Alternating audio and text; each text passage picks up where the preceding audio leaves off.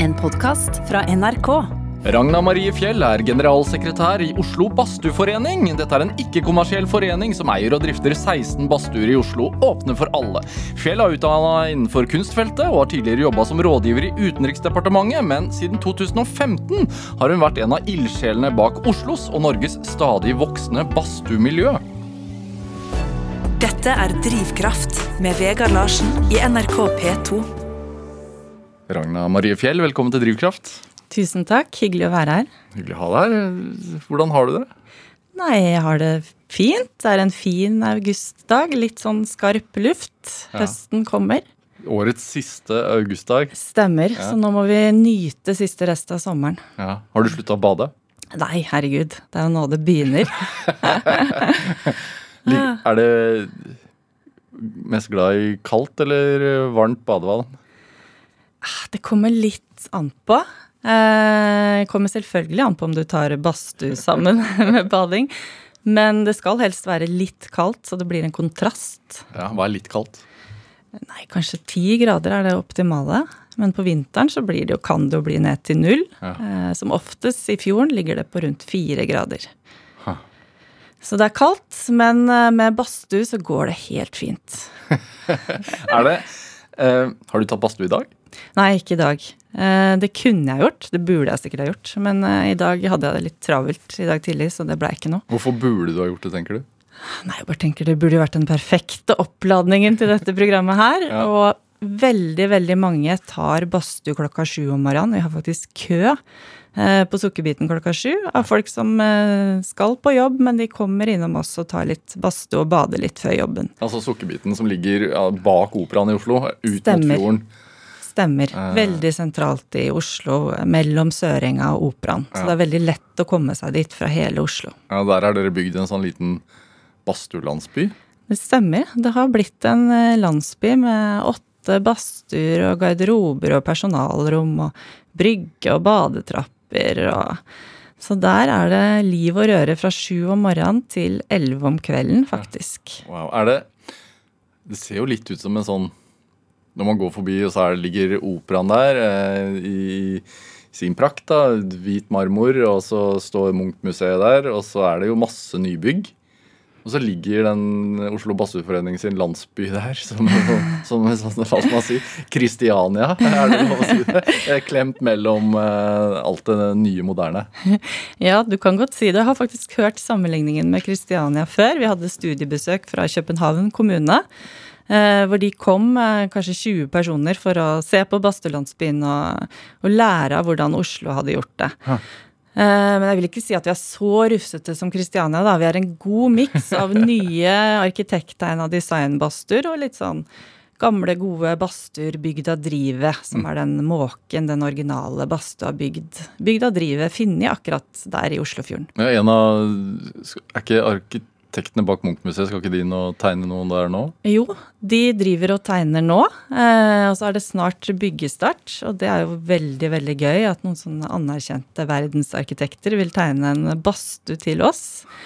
Eh, og det kom i stand ved at vi var eh, Nå blir vi jo invitert og inkludert på åpninger som skjer i nabolaget. Så vi blei invitert på åpningen av skulpturen The Mother av Tracy Emin. Ja, Den svære som ligger utenfor eh, Munch-museet. Den store i bronse som er forma som eh, Munchs eh, mamma, eller i hvert fall inspirert av det. Ja. Vi var på åpningen der og tenkte ah, nå må vi nettverksbygge og få kontakter her. Så vi skulle prøve å få kunstneren til å komme hos oss. Vi hadde hørt at hun likte badstue. Eh, Det klarte vi ikke, men vi kom i prat med arkitektene av selve museet. Og det viste seg at de var blodfans av badstue. Eh, og vi endte opp i badstua samme kveld. Eh, tok badstue, snakka masse om badstue, og det endte med at de nå har tegna en superlekker badstue til oss, som skal stå ferdig i januar. Hæ. Eh, så det gleder vi oss veldig til. Er, er, er det viktig med signalbygg også hos dere?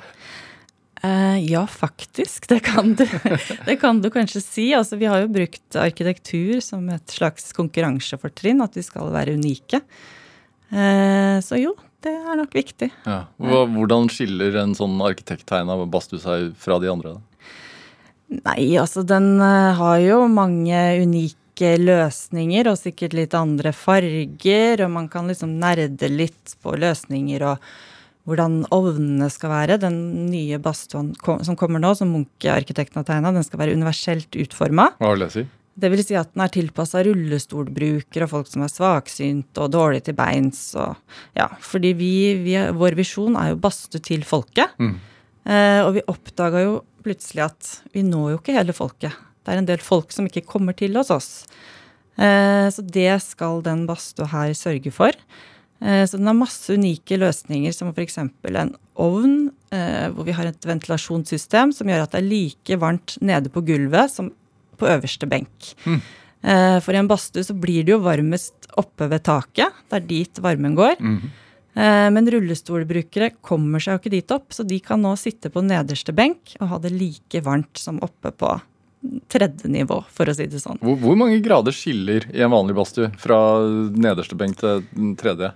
Eh, ja, hvis det er 90 grader oppe, som er en sånn ideell badstuetemperatur, det er litt sånn smak og behag og hva folk liker, men uh, da er det en sånn 50 grader nede. Så det er jo en del forskjell, altså.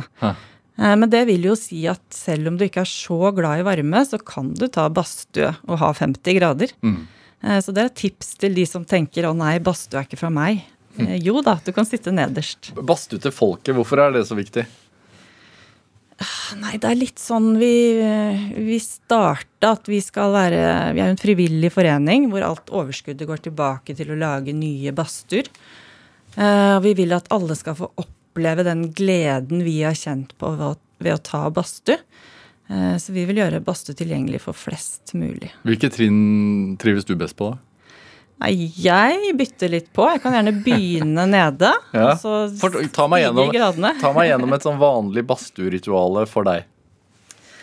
Ikke sant. Eh, nei, jeg begynner ofte med en dusj. Eh, og så går jeg inn i badstua. Da setter jeg meg ofte på nederste benk. Kanskje Hvorfor dusj først? Nei, bare for å få i gang sirkulasjonen litt. Ja, kald dusj, da. Eh, kald dusj. Ja. Nå har vi faktisk også varm dusj på sukkerbiten, men, eh, men jeg holder meg til den kalde. Eh, setter meg på nederste benk, starter opp litt. eh, setter i gang Altså, du kjenner på varmen, føler litt på hvordan har du det i dag. Går ut. Det er ikke sikkert jeg bader når jeg går ut første gangen. fordi hvis vannet er veldig kaldt, så kan det hende at jeg tenker nei, jeg bare lufter meg litt. Går inn igjen, blir enda varmere, og så ut og bade. Eh, og da det første badet, det er helt magisk, fordi da setter du i gang endorfinene, og du våkner opp, og du kjenner litt på å leve. eh, når du får kaldt vann. Jeg liker å stupe uti, i hvert fall kanskje ikke helt i, eh, fra desember til, til februar. Eh, men det gir et ekstra kick å ha hodet under vann og kjenne på det. Oi, dette var Altså kjenne på elementene. Det kalde og det varme. Men, men bade, er det lenge uti, eller er det en dypping? Altså På vinteren eh, så går det i dypping, altså. Jeg skal ikke skryte på meg at, at det er lenge uti, selv om det er veldig populært å drive med det såkalte Wim Hof-metoden. At du eh, puster rolig og er ute i vannet noen minutter. Men, eh, men det er ikke for meg. Jeg dupper meg og går inn i varmen og koser meg der. Wim Hof? Ja, det er en sånn Jeg tror han er eh, tysk eller fra Østerrike, som er sånn helt ekstrem på å være ute i, i kulda. Uh, sitter i kaldstamp med isbiter og ja. Så det har blitt en populær greie som mange hos oss driver med. Ja. Eh, jeg tror det er det at man vil kjenne litt på elementene, da. Kjenne at man lever. Mange snakker jo om en sånn uh, At man kan kjenne på å bli høy. Ja. Hva er det for noe? Nei, det er visstnok det samme som når du hvis du jogger eller løper lenge, at du kommer over en sånn terskel. eh, hvor du bare er i en slags flyt. Det skjer også når du tar badstue. Eh, og det er jo det som er helt herlig. Når du, eh, for meg pleier det å skje kanskje tredje gangen etter at jeg har vært inne og ute. Mm. Eh, Hvordan føles det? da? Nei, livet føles bare herlig. Kroppen er i gang. Eh, du har liksom glemt gamle, sure tanker. Du er, lever bare i nuet. Ja.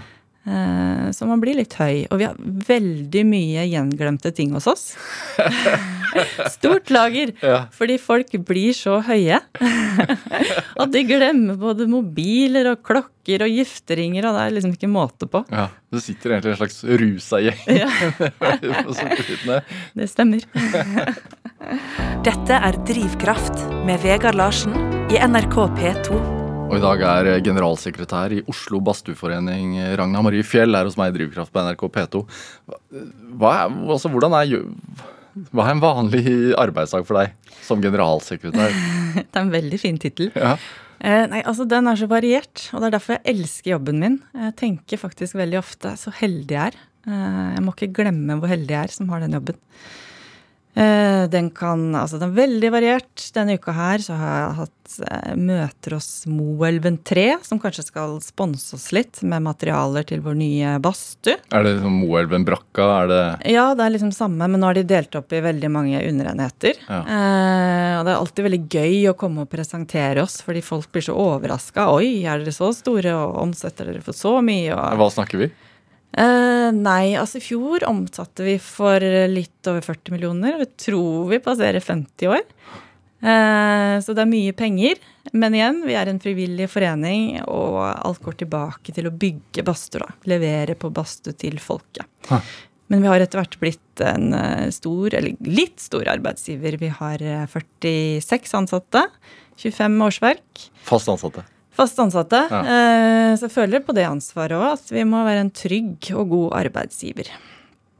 Eh, ja. Så bortsett fra, altså, så da, da var det jo presentert eh, et Ja. forslag for de.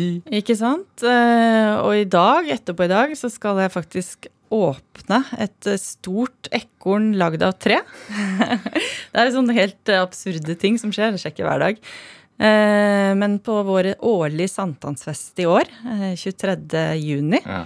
Eh, så pleier vi hvert år å lage et stort flytende bål som vi setter utenfor eh, Sukkerbiten på vannet midt i Oslo. Som vi tenner på. Det har blitt en folkefest. 10 000 var innom i fjor. Eh, Men i år så var det jo så tørt. Det har det jo ikke vært seinere i sommer, men akkurat rundt sankthans var det skikkelig tørt. Vi fikk ikke lov å brenne det bålet. Eh, Så det gjorde jo at vi hadde et sankthansbål vi ikke hadde noe sted å gjøre av, og det var et fem meter høyt ekorn. Eh, Så hadde vi en annonse ute på Finn. Mange, mange interesserte. Eh, Veldig mange av den ja, For det måtte bort fra havna. det måtte bort. Oslo havn sa det får ikke lov å stå der lenger. Kan ikke stå der ett år til neste sankthans. Så hadde vi den annonsen ute, og da var det visstnok veldig mange menn som tok kontakt. Ja, nå har jeg fått lov av kona, vi kan ha det i hagen. Men vi ville jo at det skulle stå et offentlig sted, så flere fikk glede av det. Mm. Eh, så nå står det på Lysaker på Sollerudstranda. Så der skal det åpnes senere i dag med en ekornfest med nøttekake og sang. Og fyres opp. Eh, nei, det skal ikke fyres opp. Det skal stå der og kunne beskues til neste sankthans. Og da tauer vi det på vannet tilbake til sukkerbiten og tenner på det. Hvorfor, hvorfor driver en badstueforening med sånt?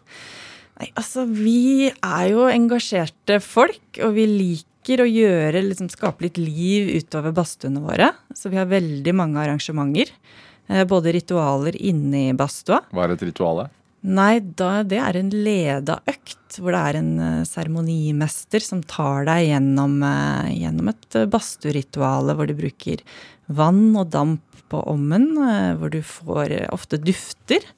Du kan bli piska av bjørkeris, du kan sitte og meditere. Eh, og det har blitt skikkelig, skikkelig populært. Eh, folk trenger litt sånne ritualer i hverdagen. Ja. Hvorfor det, tror du? Nei, det er vel at det, alt er så digitalt og telefoner og vi er så moderne, men vi trenger å ta oss tilbake til det urmennesket, da. Ja. eh, Hvor vi ikke har de tekniske hjelpemidlene, bare er i nuet. Og nå i september, slutten av september så vet jeg at du skal opp til, opp til Valdres. Det skal jeg. Hvor det er badstuefestival. Stemmer, det gleder jeg meg skikkelig til. Eh, Det er nå tredje året det er badstuefestival i Vang i Valdres. Hva, Hva skjer på en badstuefestival? Nei, vi tar jo masse badstue, da. Selvfølgelig. Det er 150 personer som samles fra hele Badstue-Norge. Altså dette er jo nå en bevegelse i hele Norge. Uh, og da møtes vi og snakker badstue og nerder om badstue og tar uh, badstue. Hva, hva snakker man om da? Nei, altså det går jo mye byggeteknikker og beste ovner og hvordan badstuehatt har du og alt det der. Eh, men også alt mulig annet. Det som er greia med å ta badstue, er at du liksom kutter ut alt mulig bullshit-prat Ja. og status og alt det der. Du kommer rett inn til kjernen. Altså, hvordan har du det i dag? Litt sånn dypere. Eh, Så det er veldig fint. Så jeg gleder meg til Vang i Valdres. Det er 22. til 24. september. Har du opplevd det selv? Altså sittet i badstue Og man har jo uh, lite klær på, som Ja. man har i badstue. Eh, shorts eller øh, badedrakt da, hos dere. Og, og, hatt sånn, og så åpnet deg for helt ukjente? Ja, har det, altså. Og da er det på en måte litt ufarlig. Eh, du sitter der, eh, er litt avkledd. Eh, det er ingen status og titler, og du er litt på, på samme nivå i et lukka, godt, trygt rom. Mm. Vi hadde en medlemsundersøkelse i fjor hvor veldig mange svarte at Oslo Badstueforening er et godt sted å komme alene. Og du kan enten sitte alene og sone ut og Mm. trives med det, eller så kommer du lett i prat med andre. Eh, og vi vet jo det at det er mange som bor aleine i byen og trenger å være sosiale. Så da er det fint å møtes i badstua. Det er et trygt og godt sted. Mm. Så det er lettere å komme dit aleine enn å gå på kafé aleine? Det vil jeg si. Hæ. Hvorfor er det sånn, tror du? Nei, det er vel noe med den eh, varmen, da. Og helse, og det at du kan bade og gjøre noe godt for deg selv. Eh, Og det er på en måte helt akseptert å sitte og tenke og se ut på havet. Mm. Eh, Men så er det også greit å snakke med naboen og eh, og så har du jo den icebreakeren at det er alltid mulig å spørre kan jeg helle på vann, kan jeg bruke litt duft. Litt sånne, sånne lette ting det er lett å starte en samtale med, da. Mm. Er det badstutradisjonen i, i Norge? Hvor gammel er den? Nei, vi har hatt badstue sikkert så lenge det har vært eh, folk her. Eh, vi vet at vikingene tok badstue. Eh, den holdt på til ja, kanskje litt ut i middelalderen, men så blei det litt strengere kristendom, og det var ikke helt akseptert å ta badstue naken osv. Det ble sett på som ikke så bra. Hvordan så de vikingbadstuene ut, vet du det? Ah, Nei, du, det vet jeg ikke. Eh, men det visstnok i diverse sagaer, i Snorres saga osv., så, videre, så omtales badstue. Ja. Så vi vet at vikingene tok badstue. Eh, og også lørdag, altså laugardagen, kommer fra Det betyr å vaske seg. Eh, så lørdagen er etter, eller oppkalt etter den badedagen da, hvor de tok badstue og vaska seg. I- Men i Norden generelt, altså Finland så er det jo stort. I Finland er det kjempestort. Eh, Jeg tror det var tre millioner badstuer eller noe sånt i Finland. Russland er det jo stort. Russland har Banja, veldig stort. Også Ukraina. Ja. Mm. Hva har, har sånn som Finland klart å holde Hvorfor har de klart å holde den tradisjonen ved like i større grad enn vi har? Nei, si det. Altså, de Der døde den aldri ut. Kristendommen fikk liksom ikke tatt badstua, det bare fortsatte. Ja. Eh, Så de har hatt en jevn eh, badstuetradisjon hele veien helt til nå. Eh, Mens i Norge var den borte en stund, men så kom den igjen på 20- og 30-tallet. Eh, Da bygde sanitetskvinnene grendehus, og da hadde man ikke dusj hjemme, så da brukte man badstua til å vaske seg.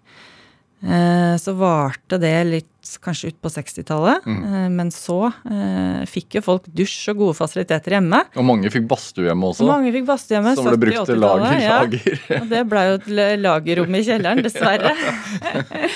Eh, Så det sier jo noe om at kanskje det er litt det fellesskapet, at man må møtes ute sammen med andre og ta badstue. At det funka ikke helt å ha det i kjelleren. Da blei det lagerrom. Men Hva skilles uh, badstuetradisjonen i Norge, altså den moderne badstue-Norge nå fra Finland, da, for eksempel, hvor de har holdt det ved like? Ikke sant? Ja, det er veldig spennende, fordi det sies at Norge er helt i front når det gjelder badstuearkitektur. Eh, Vi har ikke hatt den sammenhengende tradisjonen, så vi, nå når vi har tatt opp igjen badstua, så tør vi å bryte litt sånne normer. Hva er normene? Nei, I Finland skal du helst sitte i et litt sånn mørkt, eh, lukka rom hvor du ikke har så mye utsikt. Fordi store vinduer henger jo egentlig ikke på greip når du tenker et varmt rom og holder på varmen. Nei. Du vil ikke ha noe varmetap. Har du vært, vært i Finland og tatt? Jeg har Sånn- vært i Helsinki og tatt eh, badstue. Eh, helt herlig. Kultur i sauna og Ja. løyli og sumpasauna, som er en veldig sånn er selvbyggerbadstue, hvor du må ha med din egen ved og litt sånn anarkistbadstue. Eh, Så det er alle mulige badstuer i Helsinki. Men Oslo har etter hvert blitt en veldig bra badstueby. Eh, masse ulike badstuer, og vi hadde, jeg tror det var i fjor, vi hadde besøk av den finske avisa Sanomat, som er det samme som Aftenposten. Mhm. Eh, De tok badstue hos oss og elska det, og skrev en stor rapportasje i den finske avisa. Eh, Det var veldig gøy at de ga oss anerkjennelse at i Norge skjer det ting. Her er det en kul badstuekultur. Ja, så var, vel, var det New York Times eller noe sånt som var og skrev en stor artikkel? Det stemmer. Når de var i Oslo i 36 timer, så dro de selvfølgelig først til oss og tok badstue. Ja. Altså, de elska det. Er det badstueturister? Ja, altså det har begynt å komme. Jeg vet at Oslo er en destinasjon pga. badstuene. At Visit Oslo fremmer badstuene veldig når de reklamerer for å få turister hit. Eh, Men også at eh, nordmenn eh, som reiser på ferie i Norge, har begynt å sjekke ut hvor er det badstue. Hvor kan jeg dra på badstueferie?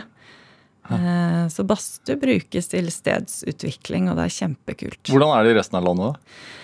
Nei, altså det spirer og gror, altså. Det dukker opp badstuer overalt. Eh, Nå fikk jeg akkurat en eh, e-post fra Bjørnar i Bergen, som har starta Bergen Laugarlag. Nå åpner badstua hans eh, i oktober, og den har han jobba med i mange i to-tre år, i hvert fall. Eh, så det er badstueforeninger i hele, hele landet. Mm. så det er gøy. Jeg tror Oslo Basteforening er den største, da. At vi leder an. Men det er veldig gøy at det dukker opp foreninger i hele, hele Norge. Så, sånn som i Valdres, hvor mange badstuer er det der? Nei, Nå kommer de gutta sikkert til å si at jeg tar feil, men la oss si en 10-15 badstuer. Eh, så det blir nok å gjøre den helga, hvis man skal prøve alle. Har du reist et sted bare for å ta badstue? Det må jo ha vært i Vang i Valdres, da. Og til Helsinki. Ja. Eh, ja. Er det Hvor, hvor er den mek- Altså, hvor er den flotteste badstuen i landet? Hvis du, det er selvfølgelig en av Oslo Badstueforening sine her, men Ja. altså, sånn, hvis du skal Eh, hva er, hva er det mest eksotiske du har tatt? Nei, altså det må være i fjor vår, eh, hvor vi reiste en delegasjon fra Oslo Badstueforening til Finnskogen og prøvde en ekte for fra 1700-tallet. Det er en eh, badstue som eh, ble bygd av skogfinner som utvandra til Norge på 1600-1700-tallet. Ja. Eh, Den er av laft, det er ingen pipe.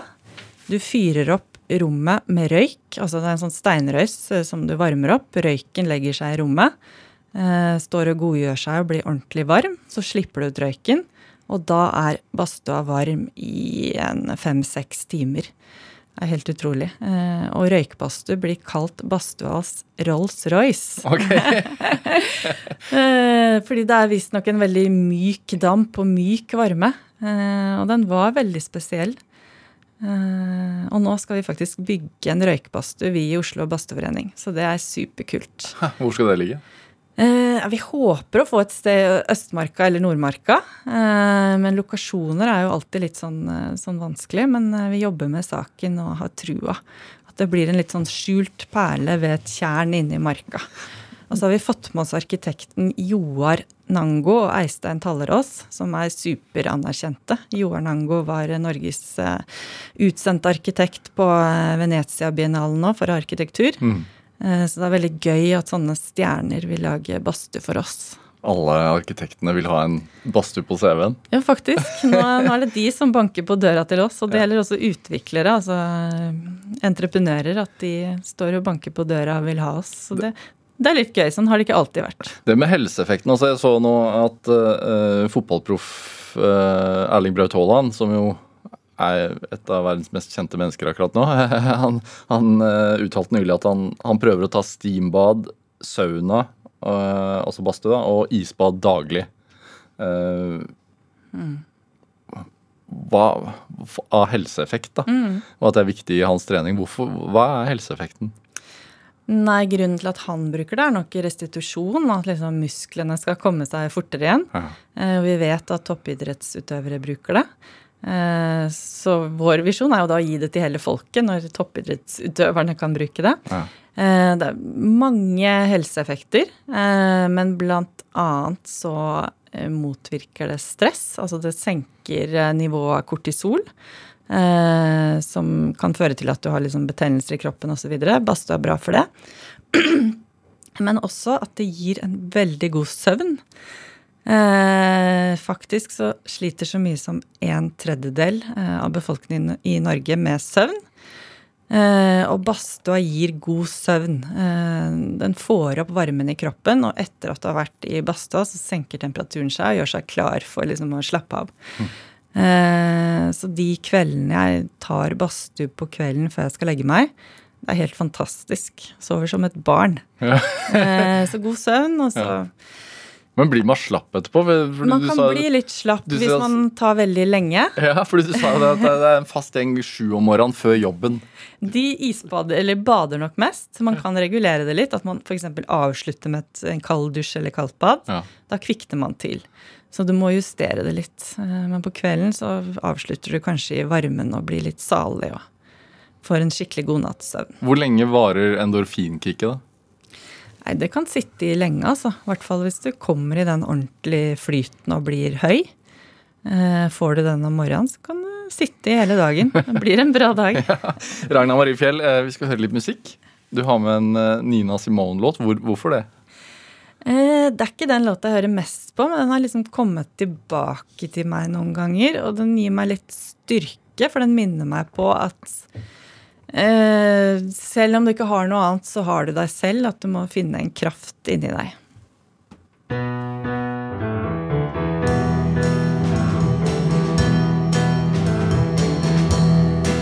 Ain't got no home, ain't got no shoes, ain't got no money, ain't got no class, ain't got no skirts, ain't got no sweater, ain't got no perfume, got no bed, ain't got no mind, ain't got no mother, ain't got no culture, ain't got no friends, ain't got no schooling. Ain't got no love, ain't got no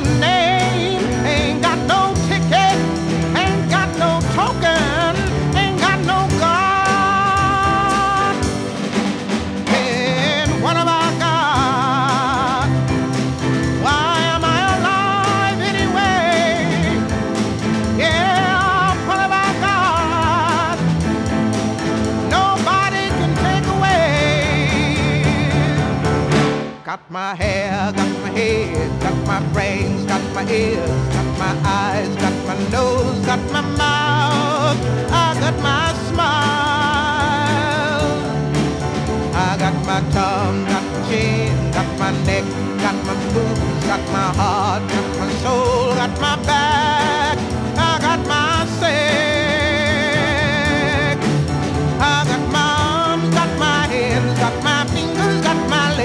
got my feet, got my toes, got my liver, got my blood. I've got life.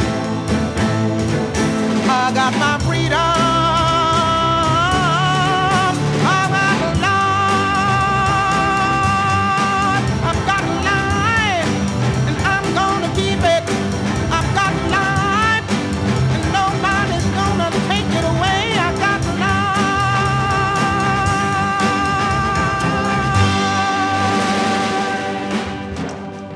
Ja, Du fikk eh, Nina Simone med Ain't Got No I Got Life eh, her i Drivkraft på NRK P2. Valgt av dagens gjest eh, her i Drivkraft, nemlig generalsekretær i Oslo Badstueforening, Ragna Marie Fjell. Når ble du opptatt av kunst? Eh, nei, det har jeg vel kanskje vært hele livet. Likte å tegne, elska å tegne. Eh, så ja, det er en interesse som har fulgt meg. Ja, og du, skulle, eller tok en gang i tiden en kunstutdannelse. Det stemmer. Hva slags utdannelse? Eh, Jeg tok en utdannelse i billedkunst eh, i Milano, på Nove Academia de Belli Arti der. Tre år, med utveksling til eh, San Francisco Ja, for å bli billedkunstner. for å bli billedkunstner. Og så tok jeg en master etterpå i Oslo, på Universitetet i Oslo, Oslo OsloMet, eh, med litt mer sånn teorikunst. Da skrev jeg av Morten Tråvik. Mm. Hva, maler du ennå, eller tegner du ennå? Prøver å gjøre det litt iblant, men uh, dessverre ikke så ofte. Men jeg uh, Altså, badstua på en eller annen rar måte er det et slags kunstprosjekt. Jeg jobber jo med veldig mange kunstnere i badstua, som jeg nevnte. Joar Nango. Ja. I fjor eh, hadde vi et kunstverk i badstua vår, Skarven, av Sissel Tolås. Uh, som er verdensledende kunstner på duft. Eh, altså den kunstneren i verden som, eh, som kan mest om, mest om duft. Da var Bastover Skarven lånt ut til Astrup Fearnley-museet i forbindelse med hennes utstilling. Hun hadde lagd en duft av penger. Altså eh, brukt mynter og metall. Det lukta litt sånn metallisk. Eh, og det lukta faktisk penger. Eh, så da var kunstverket at du skulle sitte inne i badstua i Skarven og hive den pengelukta på, på ommen og sitte og dampe deg penger. Ja. Eh, og så skulle du bade deg av deg og rense det i fjorden etterpå. Jeg tror det var en slags kritikk av eh, Norges eh, At vi driver med olje- og lakseindustrien osv. Så, videre. så Ja. det, var, det var morsomt. Så du har blitt en slags kurator? Ja, du kan kanskje si det. Det er mye mer enn det, altså. Men, eh, men jeg føler at det kreative det er definitivt til stede i Badstueforeningen, og det er noe vi tar med oss i alt vi gjør. Men du har hatt en sånn iboende skapertrang, da? Eller et ønske om å skape? Et ønske om å skape eh, Altså på videregående og sånn, så var jeg veldig skoleflink. Eh, hadde gode karakterer i alt, men jeg tenkte liksom at dette gir meg ikke noe. Det, det var noe spennende med den kunsten som man ikke visste helt hva var. Det var ikke noe fasit. Eh, så da ville jeg dykke litt videre ned i det. Hvordan er det å studere kunst i Milano? Det var kjempegøy. Ja. Helt fantastisk. Ja, med omgitt av altså, Italia en gang i tiden kunstens liksom Ja. øh, virkelige fødested, da. Stemmer. Ital eller Milano er en moderne by med masse industri og Mm. litt mer sånn samtidskunst. Men, eh, men det var helt fantastisk og, og veldig gøy. Jeg anbefaler alle å studere utenlands. Ja. Ja. Hva lærer man om seg selv? Nei, man, man må jo reise ut for å skjønne hvor man kommer fra, sies det. Eh, Så man lærer masse om, eh, om hvor man kommer fra, og Norge. Altså hva er det som er annerledes Norge med, med andre land. Eh, Og så bli trygg, da. Det er jo lang, langt hjemmefra. Men overgangen fra å, å ha en kunstbakgrunn til å begynne å jobbe i UD det, det, det, den- den- Jeg ser ikke den, men hva, hva, hva skjedde? Nei, altså Tilfeldighetene har liksom leda meg litt fram i livet. Eh, når jeg var ferdig med kunstutdannelse, så var jeg litt sånn Herregud, jeg, jeg trenger en jobb. Det er ikke så lett som kunstner. Eh, Nei, og så var jeg liksom ikke helt klar nok til å helt starte opp for meg sjøl. Så kom jeg over en annonse hvor eh, utenriksministerens sekretariat søkte en, eh, en sekretær, altså det som kalles ettermiddagsvakten. Eh, I sekretariatet. De trengte en person til å jobbe 60% Og da tenkte jeg det er jo perfekt. Kan jeg gjøre det, eh, og gjøre noe annet samtidig? Hvor lenge ble du i UD? Jeg blei i UD i faktisk ja, fra 2011 til 2019, så åtte år, da. Ja. Mm, det blei lenge. Hva, hvordan ble arbeidsoppgaven etter hvert fra å være ettermiddags... eh, Vakt. Nei, altså de i UD var kjempe, kjempegøy. Eh, jeg blei bare dratt inn i det og blei med på den reisen og eventyret. Hva er gøy? Eh. Hva er gøy? Hva, hva, på hvilken måte er det det? Nei, det skjer jo så mye. Det er mye action. Det er liksom spennende. Og når jeg jobba i sekretariatet, var det jo politikere, og plutselig skulle de slutte. Og det er liksom noe som skjer hele tiden, og man får innblikk i sånne prosesser eh, som man ikke ellers hadde fått innblikk i. Så det var en veldig ny verden for meg, men superspennende. Eh, Så jeg var jo da sekretær for først Jonas Gahr Støre. Eh, Men så ble han helseminister, og så Espen Barth Eide, og så ble det skifte, og da ble det Børge Brende. Hæ. Så tre utenriksministre har jeg vært eh, deltidssekretær for. Hva, hva lærer man om, om hvordan ting funker? nei, altså man lærer i hvert fall at man må ha orden i sysakene, og kalenderen må stemme, og du må sjekke ting to og tre ganger. Det skal ikke være noe slurv der, og ting går på minuttet. Mm. Eh, Men også en rar ting jeg har tatt videre, er jo at man alltid, alltid når jeg har møter osv., så, videre, så tenker jeg ok, hva skal vi gjøre med kaffeservering? Eh, altså serveringa må, må stemme, for det var også min oppgave. da, Gå inn med kaffe til rett tidspunkt. Så du må liksom alltid tenke litt foran. Hvordan kan jeg gjøre det? Eh, er det på plass? Ja. Ja. Men etter hvert så gjorde du andre ting der. altså Du reiste til New York. Stemmer. Eh, Jobba med å få Norge inn i FNs sikkerhetsråd. Det stemmer. Eh, Etter hvert så ble jeg kommunikasjonsrådgiver Ja. eh, og jobba i kommunikasjonsavdelingen til UD. Eh, Og så fikk jeg en mulighet til å reise til New York i ett år og jobbe med Norges kampanje for at vi skulle komme inn i Sikkerhetsrådet. Så det var veldig gøy å drive en kampanje på vegne av Norge. Altså reklamere for sitt eget land. Hvordan gjør man det? Nei, vi gjorde veldig mange forskjellige arrangementer. Vi hadde f.eks. Magnus Carlsen der og spilte sjakk med FN-ambassadører. Vi delte ut vafler, vi delte ut penner. Ja, alt mulig. Snakka med folk, var hyggelig. Hvorfor er det viktig for å bli, bli tatt med? Nei, altså man må jo vise at man er et hyggelig land som, eh, som er godt likt, og vi vil folk vel. Ja. Og vi, vi kjempa mot Canada og Irland.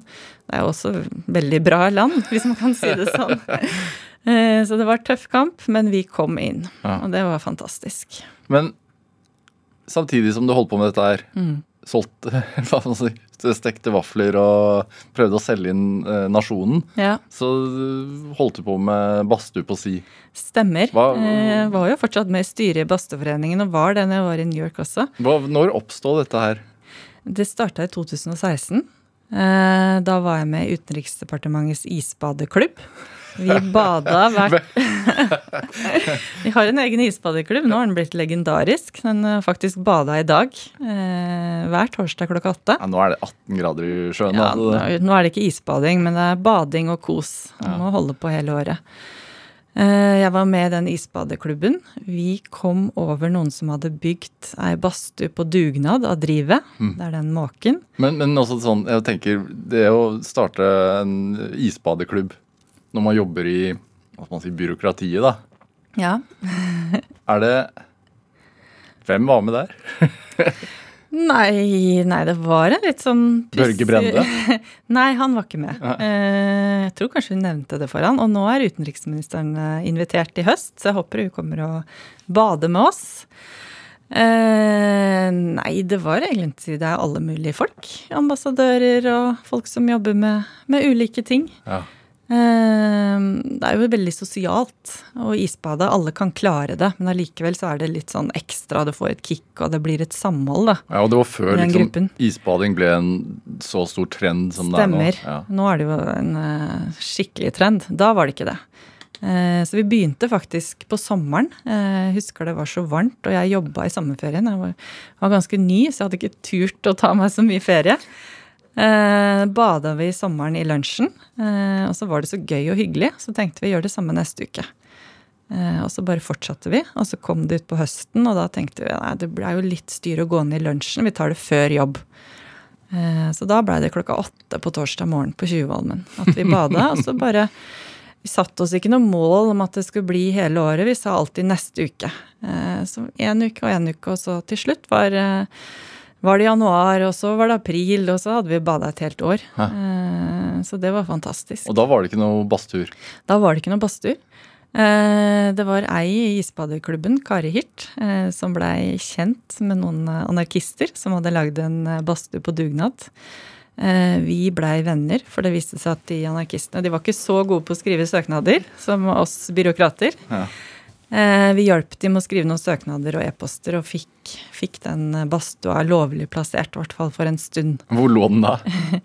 Eh, Nei, da lå den på Sørenga. Uh, ulovlig oppført? Ja, litt sånn ulovlig. Jeg tror de var klare til å skrote badstua, faktisk. Uh, så det var bra vi kom inn og fikk hindra det. Uh, og så skjønte vi at vi må danne en forening, få litt struktur på det. Mm. Så da var det altså en forening med et styre bestående av anarkister og diplomater, og det var kjempegøy. Mm. Eh, og så fikk jo flere og flere øynene opp for det, men allikevel så var det jo bare én litt sånn rufsete badstue som lå der i havnekanten.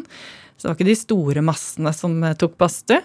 Eh, men så sendte vi en søknad til eh, Sparebankstiftelsen, Mm. og det var litt på tull. Vi søkte om to millioner. Vi trodde aldri at vi skulle få det. Eh, Og så ringte de og sa vi er kjempelei oss, men dere får bare en million. eh, og det var jo julaften for oss. Så da måtte vi brette opp armene, og nå skal vi bygge den lekreste badstua noensinne. Hva koster en sånn flytende badstue? Det har jo gått opp så mye i pris, men, eh, men akkurat den kosta en million. Eller den kosta faktisk 1,2 millioner. Vi glemte at vi, at vi måtte betale moms i tillegg. Vi var veldig amatører. Ingen av oss drev med business. Så, så den kosta faktisk mer enn det vi hadde fått. Så da tok, måtte jeg ta opp lån på, på hus, bygge på huslånet. Men Du to, gjorde det selv? jeg gjorde det selv. Eh, men det føltes veldig trygt. Hva sa du til banken? Nei, de eh, fortalte det som det var, og det gikk fint. Ja. Ja. Så Men når den badstua sto klar, den var jo lekker og arkitekttegna, det er den skarven. Eh, åpna av Hvordan, hvordan ser den ut? Den har store vinduer og en sånn eh, spiss kant med stupebrett på taket. Eh, Så den, eh, det er nok den badstua vi har med mest vinduer. Hvor du sitter og går nesten i ett ved fjorden og ser utover. Og helt magiske solnedganger og soloppganger. Og, ja. Eh, og da blei det veldig, veldig populært når den var ferdig. Da tok det helt av. Eh, og da var da jeg skjønte at eh, Shit, jeg kan jo ikke drive og styre det her med venstrehånda mens jeg sitter i UD og driver med andre ting. Jeg, jeg søker permisjon. Ja. Eh, og så Hvor- gjorde jeg det. Hvorfor ble det sånn at du tok ansvaret? Eh, det var litt eh, Jeg var jo med i styret, jeg var med på stiftelsesmøtet. Jeg var nok ikke den som var mest på og sånn, men jeg syntes det var veldig gøy. Hvordan var det stiftelsesmøtet? Eh, nei, det var hjemme hos Sverre Jervel, tidligere diplomat som bor på Sørenga. Kjempemorsom fyr. Han inviterte til det. Og så fant vi et navn på foreningen. Ja. Og vi var jo i vi, Altså, vi het Sørengas badstue og helårsbadeanstalt et par år. Ingen som huska navnet vårt. Alle sa det feil. Det var skrevet feil overalt. Til og med de som jobba hos oss, huska ikke navnet. Så til slutt tenkte vi må endre til Oslo Badstueforening. Ja. Eh, men ja, det var det stiftelsesmøtet. Blei vi jo en, eh, en forening og fikk liksom dreisen på det. Og jeg var økonomiansvarlig i styret. Eh, og som økonomiansvarlig så får man jo veldig innblikk i ting og må ta veldig ansvar. Jeg måtte betale ut lønninger og passe på at vi liksom betalte alle skatter og, eh, og sånn. Eh, og da blei det bare til at jeg gjorde liksom de, de tingene som må gjøres i en bedrift og organisasjon. Mm. Så gikk det bare slag i slag. Når skjønte du at uh, dette her er noe mer enn bare for oss uh, særinger som, som, som, holder, som har holdt på med det på egen hånd? Nei, det måtte vel være omtrent da jeg tok permisjon, hvor vi hadde så stor pågang, og det et helt, var et umettelig behov, og det er det faktisk fortsatt. Vi sliter med å dekke alle som vil ta, ta badstue. Mm. Eh, så nå har vi faktisk 12 713 medlemmer, siste jeg sjekka. Wow. Ja, Og, og så er det drop-in, altså man trenger jo ikke å være medlem for å Man trenger ikke å være medlem. Alle kan bruke badstuene. Men Ja. det lønner seg å være medlem, da. Hvor mange er innom? I fjor hadde vi 180 000 besøk. I, hittil i år har vi hatt 130 000. eh, Så vi regner med at vi ender på 250 000 gjester. Wow. Så det er masse, masse folk, så nå er det ikke lenger bare for oss særingene. Og det er så gøy at flere har opple- oppdaga den gleden badstue gir, for det er jo helt herlig. Det å altså gå fra å jobbe i UD, som jo for mange høres ut som en drømmejobb, Ja. eh, var, var det det for deg? Nei, jeg kjente nok hele tiden på at her skal jeg ikke være for alltid. Eh, men samtidig så koste jeg meg veldig i UD. Jeg elska det. Eh, og kunne sikkert ha blitt der også. Men jeg ville nok alltid tenkt er, er det virkelig dette jeg skal gjøre? Ja. Eh, mens nå i Badstueforeningen kjenner jeg meg hjemme. Men er det, altså med tanke på sånn karrierefokus eh, Gå gradene, reise til New York, være med liksom, i, i toppsjiktet av, av, av norsk politikk Det høres, Nei, høres jo fristende ut, da. Å, nei, jeg tror ikke bestemor og bestefar skjønte det valget, for å si det sånn. Det, det er et litt rart, rart valg, synes kanskje mange. Ja. Men Hvorfor riktig valg? nei, det er så riktig. Det gir så mye glede til, til mange folk, og også til meg sjøl. Jobbe for noe i lokalmiljøet. Det er kanskje det helt motsatte av UD på mange måter, hvor du liksom jobber med noe litt fjernt og stort, men fortsatt veldig viktig og bra, altså. Eh, mens her var jeg sånn hands on på brygga, der jeg bodde, eh, og gjorde noe. Så det ga en veldig glede. Hvorfor er det givende? Nei, det er jo bare det at det er veldig kort vei fra, hand, eller fra ord til handling hos oss. At du kan sitte og tenke på at her skulle det vært en badstue, til det kommer en badstue. At ting skjer veldig fort. Og det påvirker hvordan byen, byen vår er. Ja. Mm. Er det det med at det påvirker hvordan byen vår er? Det, altså, vi begynte jo denne praten med at jeg beskrev litt den lille landsbyen utafor Sukkerbiten der. Det er jo med å sette sitt, sitt preg på, på Oslo som by. Eh, også det at det er åpent for alle. En slags sånn demokratisering eller, av, av havna. Da. Ja, jeg er veldig glad du sier det. Ja. Er det? Hvorfor er det viktig for deg? Nei, altså hvor, Vi lever jo livene våre i byen. Mm. Eh, og da er det jo viktig å ha et sted å gå til og kjenne på naturen. Og vi er såpass sentral i byen at der kan du lett komme deg til å få en dose frihet og natur, da. Det er jo ikke noe som er så mye frihet som å hoppe ut i vannet og bade. Eh, Så du får deg en slags naturopplevelse midt i byen. Mm. Noe som gjør at livet blir bedre. Vi er, vi er de myke trafikantene, har du sagt. Ja, det stemmer. Eh, vi er baderne som, som, som bader og tar badstue og eh, bruker fjorden på en, eh, på en myk måte. Altså, vi er ikke store båter og store hus og institusjoner. Eh, men vi bader og er i naturen. Hvem er en typisk eh, badstuebesøkende? da? Jeg vet hva, Vi har folk fra alle samfunnslag og kulturer. Vi har både stortingspolitikere og arbeidsledige. Og, og igjen, det fine er jo at de kan sitte sammen og ta badstue og være på like fot. Ja. Mm. Det med den sammensetningen og det styret i starten, Ja. altså som du sa, anarkister og diplomater. Stemmer. Eh, hvorfor har det vært en heldig kombo? Altså, vi satte på en måte med en gang en kultur som var veldig mye humor og tull. Eh, og den kulturen har fortsatt at vi er lite selvhøytidelige. Vi tuller mye, vi bruker humor. Eh, det tror jeg kom litt av den anarkismen, at man tar seg litt til rette.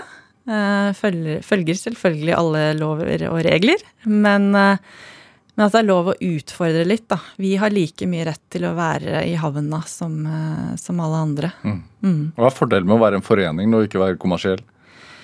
Eh, nei, altså det vil jeg jo si at vi Vi er mer for, for alle. Vi kan holde prisene nede. Eh, Det er ingen eiere som trenger å ta ut noe utbytte. Alle, alt vi tjener, går til å levere på badstue til folket. Mm. Hvor ofte må man skifte ovner? Nei, du, de, de går så fort hos oss. Jeg tror vi skifter eh, to ganger i året. Eh, Det er veldig hard bruk. Vi har jo som sagt så mange folk innom, og det, ofte hives det litt saltvann på ovnen og sånn, som man ikke skal. Men jeg skjønner at det skjer. Ja, så vi bytter ovner ja, to ganger i året. Da ryker de. Er det Hvilke utfordringer har dere møtt? Nei, altså vi har jo hatt litt voksesmerter og Nei. Det er jo det, og også det at eh, i fjor hadde vi f.eks. en brann eh, som satt en litt sånn støkk i oss. Mm. Eh, da måtte vi brette opp armene og gå gjennom rutinene våre og sjekke virkelig har vi alt på stell. Eh, og vi er jo en ung organisasjon som har vokst veldig fort. Mm. Og da har det ikke eh, vært like lett å henge, på alle, henge med på alle ting. Eh, men, eh, men vi har lært av det, og ja.